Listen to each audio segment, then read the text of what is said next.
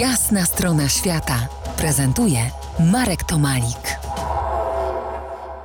Gościem jasnej strony świata Wojciech Dąbrowski, antropolog z Uniwersytetu w Sydney.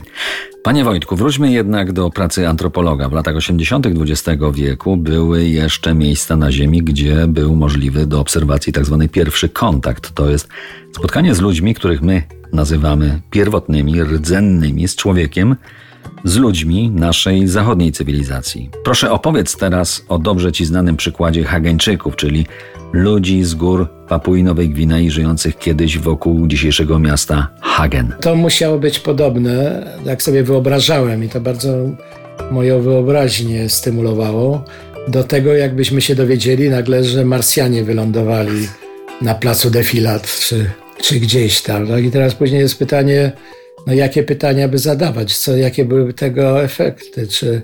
No i to w dużym stopniu było podobne, bo, bo oni, no bo Hageńczycy, to nie tylko nie mieli świadomości istnienia białej cywilizacji, ale nie mieli świadomości istnienia jakichkolwiek grup ludzi poza swoim basenem kulturowym.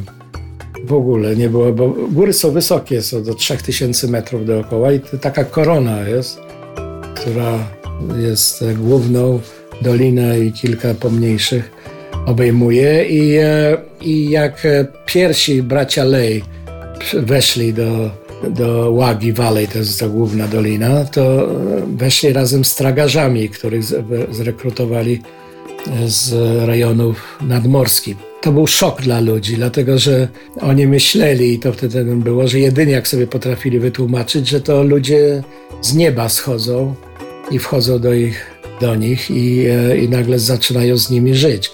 Bo w tej wyobraźni nowogwinejskiej, która jest bardzo płodna, to ludzie żyją w niebie, to żyją pod, pod ziemią, ludzie przychodzą.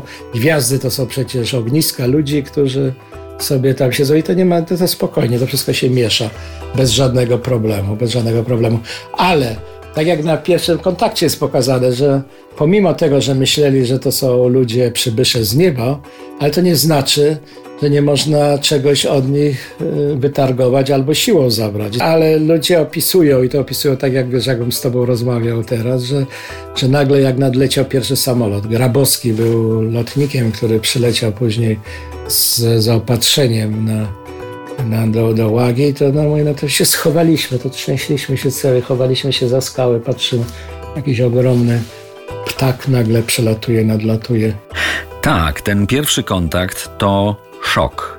Coś, co wymyka się naszym wyobrażeniom, ale po przeżyciu takiego szoku jest drugi etap tak zwanego pierwszego kontaktu. To jest próba nawiązania kontaktu z tym przybyszem gdzieś tam z nieba. Porozmawiamy o tym za kilkanaście minut. To jest jasna strona świata w RMS Classic.